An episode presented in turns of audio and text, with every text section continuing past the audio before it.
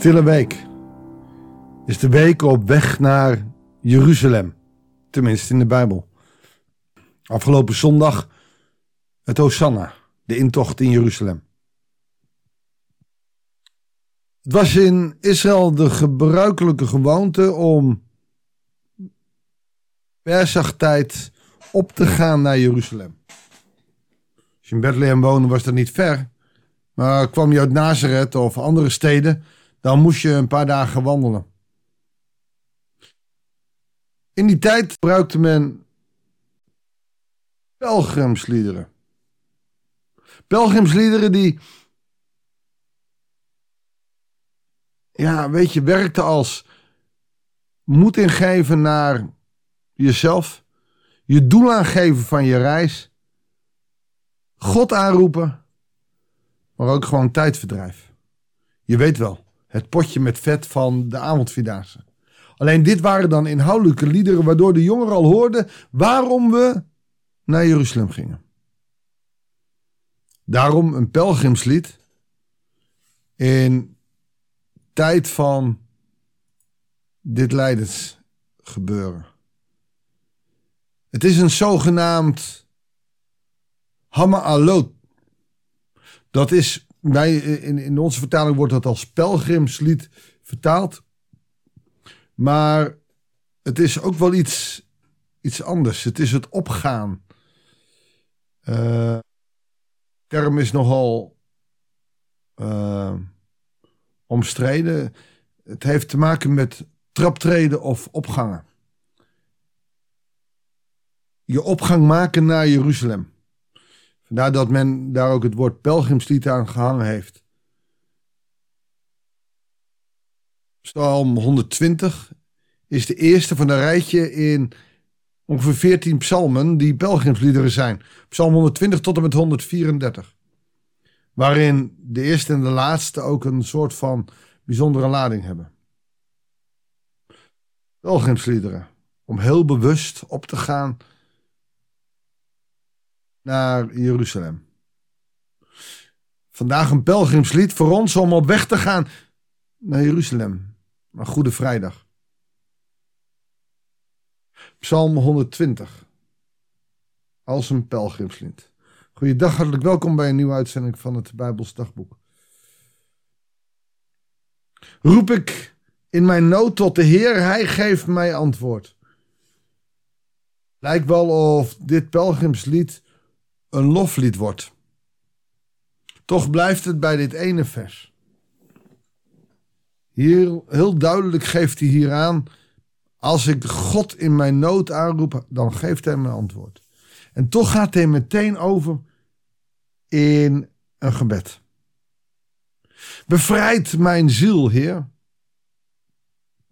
Wanneer je leest bevrijd mijn ziel, dan gaat het niet over mijn lichaam, gaat het niet over gevangenschap, maar dat je ziel, je identiteit aangeraakt wordt. En dat kunnen we in deze tijd veel meer erkennen. Wij kennen niet zoveel gevangenschap. Maar wat we wel kennen, is dat we uitgelachen worden omdat we christen zijn. Ga jij naar de kerk? belachelijk, ja, met kerst en Pasen misschien. Maar verder. Wanneer je serieus met geloof omgaat, wordt er raar naar je gekeken. Het kan je soms zelfs vrienden kosten. Bevrijd mijn ziel, Heer, mijn identiteit. Maak hem heel. Waarvan? Van lippen die liegen, van de tong die bedriegt. Als ik hem persoonlijk zou lezen, zou ik meteen denken: hey, bedoelt hij daar zijn eigen lippen mee, of zijn eigen tong? Klaarblijkelijk niet. Er zijn mensen om hem heen, als je de hele psalm leest, die, die liegen en bedriegen. En het doet hem ontzettend zeer. Die leugen en bedrog, die, die wil hij niet. Hij voelt zich niet thuis. En hij vraagt God, wat zal je straf zijn, bedriegelijke tong? En wat zal je straf nog verzwaren? Door nog meer te liegen, door nog meer te bedriegen, pijlen, gescherpt voor de, gescherpt voor de strijd. En dan gloeiende houtskel van Brem. Wel, hij weet wel hoe God de vijand moet straffen. pijlen. Die moeten er op je afgeschoten worden. Met een, met een punt. Gloeiende houtskool. Van de brem. Ach, dat ik moet wonen in Mesech. Van het huis bij de tenten van Kedar. Wacht even, wat gebeurt hier? Waarom pakt hij nu Mesech en Kedar? Dat zijn plaatsen ver buiten het gebied van Israël.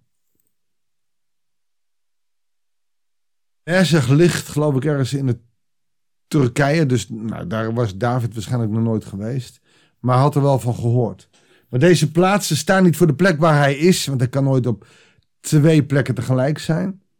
Maar staan voor heidense plekken. Als je nou naar het meest heidense wil, dan moet je naar de Mesech of naar Kedda. Ruikt het voor het feit dat hij midden in zijn volk zit. Maar hij ze vergelijkt ze als een volk van Mesech en Kedda. Wij zouden zeggen, het is hier echt Sodom en Gomorra. David, of sorry, dat is niet eens David, maar de psalmdichter heeft het over geen Sodom en Gomorra, maar Mesach en Kedda. Te lang al woont mijn ziel bij mensen die vrede haten. Spreek ik woorden van vrede, zij willen oorlog. Psalmdichter heeft het over zijn eigen volk. Hij vergelijkt dat met heidense volken omdat zijn volk niet meer het volk is wat zich op God richt.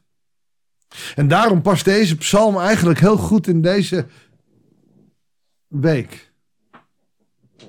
Ik weet niet. Ik ben gisteren een half uurtje naar de kerk geweest. Elke avond hebben we een half uurtje. Meditatief. Zing maar één lied. De rest luister je, bid je en hoor je. Je doet dat midden in een tijd waarin zoveel kerken dichtgaan. Mensen niet meer naar de kerk gaan. Goede Vrijdag wordt gezien als lastig. We gaan met Pasen wel naar de kerk. We willen het lijden niet meer onder ogen zien. We willen God niet meer onder ogen komen. En we ontkennen zijn bestaan. Ook wij wonen in een land waar geloof niet meer centraal staat. En je kan het gevoel hebben dat je soms in Sodom en Gomorra leeft. Of misschien beter gezegd in Mesech en Kedar. Het is niet meer gewoon dat jij God looft en woorden van vrede spreekt. Maar dat mensen dan meteen zeggen, ja dat zeg je wel maar. En jij zegt dit maar ik. Er is geen vrede. Er is haat. Er is oorlog. In die tijd leven we nu. Daarom Psalm 120. We zijn onderweg. Op weg naar Jeruzalem. Daar waar vrijdag de Heer gevangen genomen zal worden. Geslagen zal worden. Gekruisigd zal worden. Mag ik met je bidden? Op weg naar Golgotha de Via Dolorosa, waar u liep, o Christus. Met het kruishout op uw schouders als de last van de wereld die u moest dragen. U bent geslagen met de pijn die ik u aangedaan heb door mijn zonde. De last van mijn lijden heeft u op zich genomen. Heer, waarom toch? Kan het zelf niet dragen. De pijn, de verdriet, de, de zonde, de zorg. En u deed het voor mij. Ik ben op weg naar Jeruzalem. Ik ben op weg naar Goede Vrijdag. Me bewust dat, dat dat ook is voor mijn schuld. Voor mijn verdriet. Voor mijn ziekte. Voor mijn pijn. Voor mijn moeite. En u draagt het. Waarom? Omdat u van ons houdt. Leer ons uw lijden te snappen, te accepteren en uw lief te hebben voor wat u deed voor ons. Dat kunnen we alleen maar als we door het lijden gaan. We bidden dit u. Maar we danken het u ook. In Jezus' naam. Amen. Ik wens je God zegen. En ik hoop dat je heel bewust deze week stil kan staan bij wat er komen gaat. Niet Pasen, dat bedoel ik niet.